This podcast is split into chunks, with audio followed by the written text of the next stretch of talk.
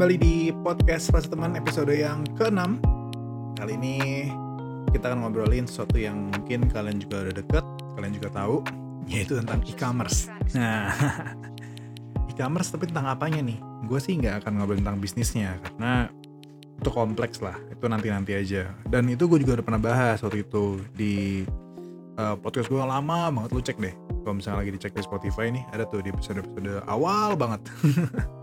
Boleh tuh sekalian dicek kalau misalkan mau cek. Nah kali ini tuh kita uh, mau bahas tentang COD yaitu cash on delivery. Karena belakangan lagi rame lagi yang namanya apa namanya polemik-polemik atau enggak masalah-masalah di per COD-an di e-commerce gitu ya. Jadi kita coba obrolin aja deh secara santai jadi selamat menikmati episode kali ini tentang COD. Oke, okay. um, pertanyaan pertama sih yang paling gampang ya, yang paling gampang banget nih. Siapa sih yang nggak familiar dengan yang namanya Tokopedia, Shopee segala macam gitu ya? Siapa coba yang nggak pernah belanja gitu kan ke sana?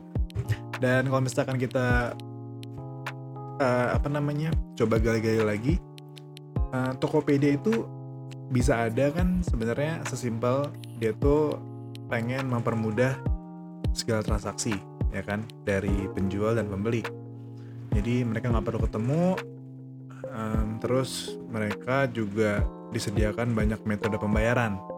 Jadi yang mau transfer juga aman lah. Atau enggak sekarang juga udah ada yang pakai apa namanya uh, dompet digital juga gitu lo pakai OVO bisa GoPay bisa segala macam nah yang jadi masalah adalah gue ngerti sih uh, kayak um, mungkin tidak semua punya privilege untuk punya yang namanya virtual account atau nggak punya ATM gitu ya. Uh, tapi excuse itu uh, kayaknya nggak bisa kayak gini terus gitu loh. Maksudnya banyak pihak yang harus sudah mulai mengedukasi gitu bahwa yang namanya cashless itu harus udah bisa di apa namanya ya disebarluaskan gitu bahwa ini berguna banget untuk kalian dan secara keamanan juga oke okay, gitu. Jadi kalian atau enggak orang-orang tuh udah nggak perlu lagi bawa banyak-banyak duit cash gitu. Jadi karena udah ada ATM udah ada uh, GoPay dan segala macamnya. Jadi harusnya sih banyak edukasi ke sana. Karena karena masih ada kesenjangan tadi terciptalah. Mungkin maksudnya baik dari para para e-commerce ini ya. Menciptakan namanya COD cash on delivery. Dan itu sebenarnya adalah fitur yang um, dari awal sebenarnya itu pengen yang dijadiin masalahnya. Jadi masalah yang, di solve sebenarnya itu. Jadi dulu di kaskus itu kan semua pakai COD kan. COD atau enggak pakai ATM bersama tapi nggak ada yang penjaganya. Jadi waktu itu pernah ada masalah dulu kalau salah eh, Black Panda atau apa gitu ya yang dia uh, bawa lari duitnya duit para apa namanya orang-orang yang di FJB gitu. Jadi bermasalah tuh waktu itu. Terus um, kalau sekarang tuh kalau misalkan tiba-tiba dibuatin lagi namanya COD seakan kayak mundur nggak sih kayak ya udah nih udah teknologi tapi kita siapin COD deh.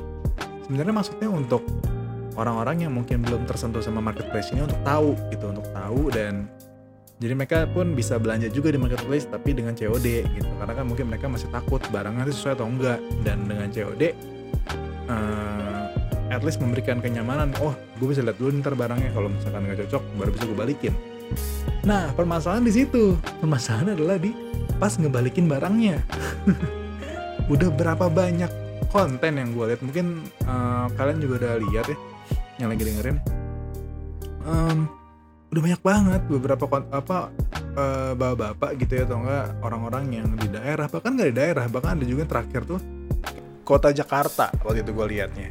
Di TikTok atau di Instagram gitu. Jadi sekarang tuh udah nggak masalah lagi daerahnya kayaknya. Jadi nggak peduli daerah mana. Tapi polemik COD ini memang lumayan apa ya lumayan pelik. Bahkan sebenarnya e-commerce e-commerce itu udah mulai udah mulai ngasih edukasi taruh di TVC di sosial media. Jadi semua channel lah untuk bisa mengedukasi tentang COD ini seperti apa gitu. Dan kayaknya sih responnya tuh masih di circle anak-anak muda yang mungkin yang seumuran gue tuh masih anak muda ya. Pokoknya anak 90-an gitu ya. Anak 90-an anak milenial sama anak Gen Z mungkin udah aware tentang itu tapi ya kita kan nggak tahu ya siapa aja yang beli siapa di daerah mana aja gitu. Dan terulang lagi gitu dan ujung-ujungnya yang kena siapa? Yang kena kurirnya gitu loh. Gue cuman gue cuman menyalahkan eh bukan menyalahkan tapi lebih menyesalkan yang kena tuh bukan orang yang jualannya bukan orang semestinya gitu. Jadi si pembeli pun marah-marahnya salah alamat uh, ada juga yang dia udah ngerti kalau misalkan nanti saya akan komplain ke sellernya tapi yang tetap kena amarahnya tuh si kurirnya lagi gitu. Jadi kayak kasihan gak sih? Maksudnya kayak uh, dia kan cuma tugas dia tuh ya SOP-nya nganterin uh, dan memastikan duitnya itu yang COD itu dikirimkan ke dia dikasih ke dia gitu loh. Jadi kalau misalnya ada apa-apa ya harus tinggal si pembelinya aja ngobrol sama sellernya. Jadi kayak duitnya itu nanti ya belakangan karena si kurirnya emang harus terima duit dan harus mengirimkan barangnya gitu loh. Dan jahat-jahat tahu orang-orang yang ada di video-video itu. Jadi kayak ada yang terakhir ya kalau misalkan ada yang nonton. Ada tuh yang bapak-bapak ya kan di rumah yang cukup lah. Maksudnya orang berada lah ya. Orang berada dan dia sampai bilang gini emang tampang kayak saya ini mau maling? Emang dengan saya punya rumah kayak gini saya mau nyolong tolong kamu pakai otak. Ya Allah. Maksudnya tega banget gitu. Ya udah kalau misalnya emang lo mau cek uh, ya sampaikan dengan seperti latar belakang lo itu yang harusnya ya ya penuh dengan edukasi lah. Maksudnya kayak ya udah lo ngerti kan cari kayak gimana? Dan si kurir itu pun kan juga cuma menjalankan tugasnya gitu loh. Jadi ya menurut gue again e-commerce harus bener-bener anggap ini serius sih. Kalau misalnya memang pengen fitur ini selalu ada dan masih ada gitu loh. Um, karena kayaknya edukasi yang sudah diberikan pun uh, kalau udah masih kayak gini masih ada ya berarti belum berhasil gitu loh. Uh, dan kalau misalkan lo tanya ke gue posisi gue di mana ya dengan adanya fitur COD ini? Gue sih mungkin orang yang akan dengan tegas bilang ya nggak perlu ada fitur COD gitu loh dengan apa pun alasannya untuk mungkin bisnisnya bisa expand biar bisa menjangkau audiens yang lebih uh, di daerah mana gitu ya lebih di dalam segala macam tapi dengan polemik yang seperti ini edukasi yang belum tersampaikan seperti ini akan terjadi lagi orang-orang yang kena korbannya lagi gitu loh. Ya mungkin gue nggak tahu ya rate-nya tuh kayak gimana ya presentasinya apakah lebih gede yang bermasalah sama yang tidak bermasalah gitu. Tapi ya kalau memang presentasinya pun kecil masalah yang kecil lu biarin aja. Sampai ada yang parah loh. Terakhir gue tuh ada yang sampai uh, pengen ngeborgol wah gila lu coba lu coba, lu coba cari deh. Uh, gue sampai tebak-tebak tuh. Lu cari di Twitter gitu ya atau nggak di TikTok gitu atau nggak di mana lah Facebook YouTube mungkin. Ada yang sangkin dia nggak puas dengan barangnya dia tuh mau borgol orang yang mungkin bukan semestinya. Harusnya dia kalau mau komplain ya ke penjualnya ke sellernya gitu loh. Tapi yang terjadi adalah salah salah sasaran. Ya masa e-commerce uh, mau dengan diem-diem aja kayak gini gue yakin sih pasti mereka juga uh, care dengan ini. Tapi ya coba deh timbang lagi apakah COD itu masih perlu gitu loh. Um, nggak tahu deh. Gue sih mungkin kalau misalkan gue ownernya ini kita andai-andai aja ya halu-halu aja. Sorry nih kalau misalkan ada orang-orang e-commerce yang denger tapi kalau misalkan gue misalkan punya kebijakan gue punya rights untuk ngasih kebijakan gue sih akan stop COD sih gue akan stop COD dulu uh, dan gue akan benar-benar evaluasi COD itu harus seperti apa biar semuanya aman biar semuanya tuh ngerti clear nggak ada masalah dan gue akan kencengin juga edukasi untuk mereka bisa punya ATM, bisa tahu namanya dompet digital, GoPay segala macam. Jadi sekarang kan juga udah banyak ATM-ATM yang uh, apa namanya bank-bank maksud gue yang nggak perlu datang ke teller, nggak perlu datang ke apa namanya ke apa namanya ke banknya gitu loh. Jadi bisa lewat handphone semua gitu loh. Apalagi yang bank digital kan kayak ada bank jago ada jenius ada apa lagi? Banyak sih. Ada banyak beberapa bank-bank digital yang ya udah via handphone aja bisa gitu. Terus gimana nih kalau nggak punya handphone? Nah setahu gua setahu gua nih orang yang sudah bisa akses ke Tokopedia segala macam at least dia punya device lah.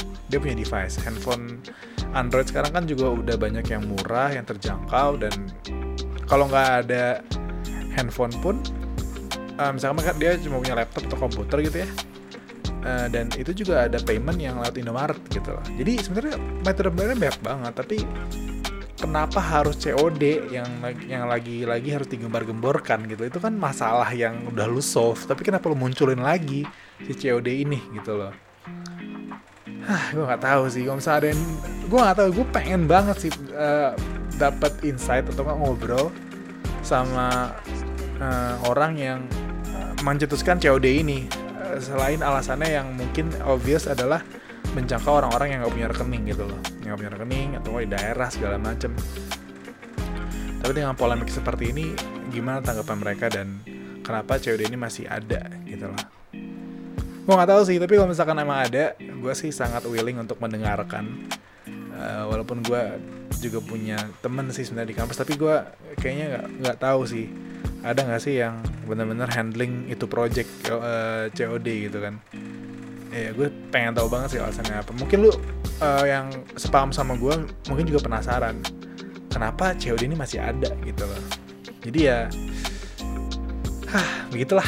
Semoga sih COD ini bisa uh, dievaluasi lagi dan kalau misalnya memang tetap ada di bener-bener perhatikan edukasinya ke seluruh orang, ke semua orang, ke seluruh daerah. Jadi biar nggak ada lagi nih video-video yang kayak yang kita terli yang kita lihat di sosial media ya, ya marah-marah segala macam terus korbannya jadi kurirnya lagi kurir kan juga kerja gitu gue belum menemukan sisi pembeli ya kerugian dari sisi pembeli karena dari marketplace juga, juga sudah menyediakan bahwa kalau misalkan barangnya nggak sesuai itu bisa dikembalikan sesuai dengan persetujuan uh, pembeli dan penjual gitu loh.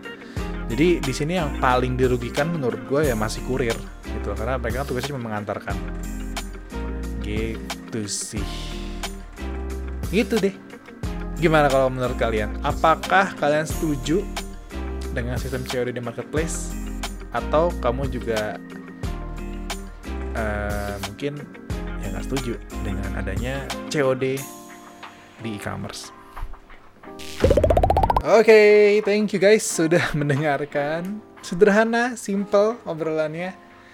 Uh, lebih kayak ke surat terbuka ya. surat terbuka kepada e-commerce uh, tentang COD gitu.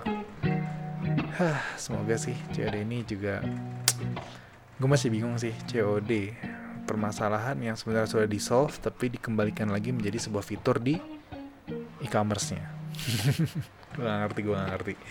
Ya ini perspektif gue, uh, maksudnya ini sangat open. Gue bisa aja salah, gue bisa aja uh, keliru, gue bisa aja uh, pemandangannya belum sedalam itu, belum seluas itu. Tapi at least gue melihat dari sisi user aja sih sebagai orang awam yang mungkin mewakilkan beberapa orang yang juga penasaran kenapa uh, udah canggih uh, pembayaran di e-commerce segala macam tapi tetap ada yang namanya COD selain alasan again gue ulang lagi nggak bosan-bosan selain alasannya kalau misalkan mereka belum punya ATM atau nggak belum punya uh, bank digital atau segala macam. Tapi kenapa nggak edukasi itu yang dikencangkan dibanding harus kembali lagi ke zaman sebelum belum ada e-commerce gitu. Begitu ya teman-teman.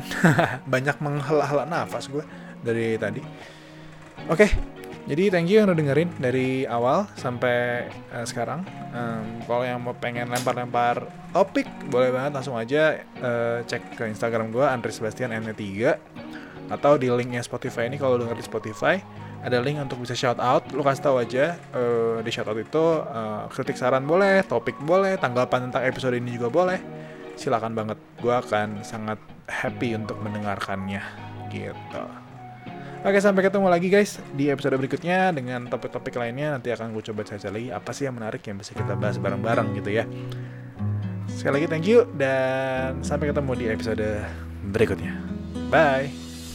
Selama ini ribuan hari ku dekat denganmu Lewati berbagai hal ku ada di sisimu Tanpa kau tahu perasaanku padamu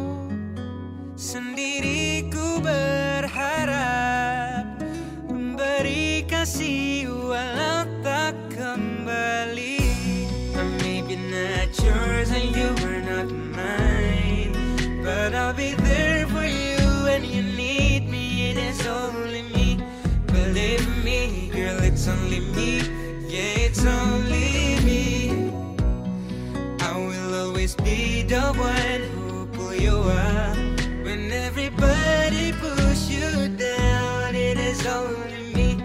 Believe me, girl, it's only me. Yeah, it's only me.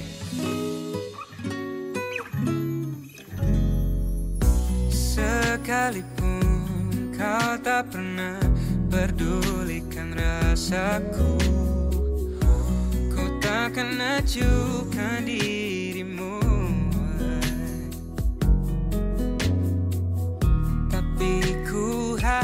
suatu saat nanti kau tahu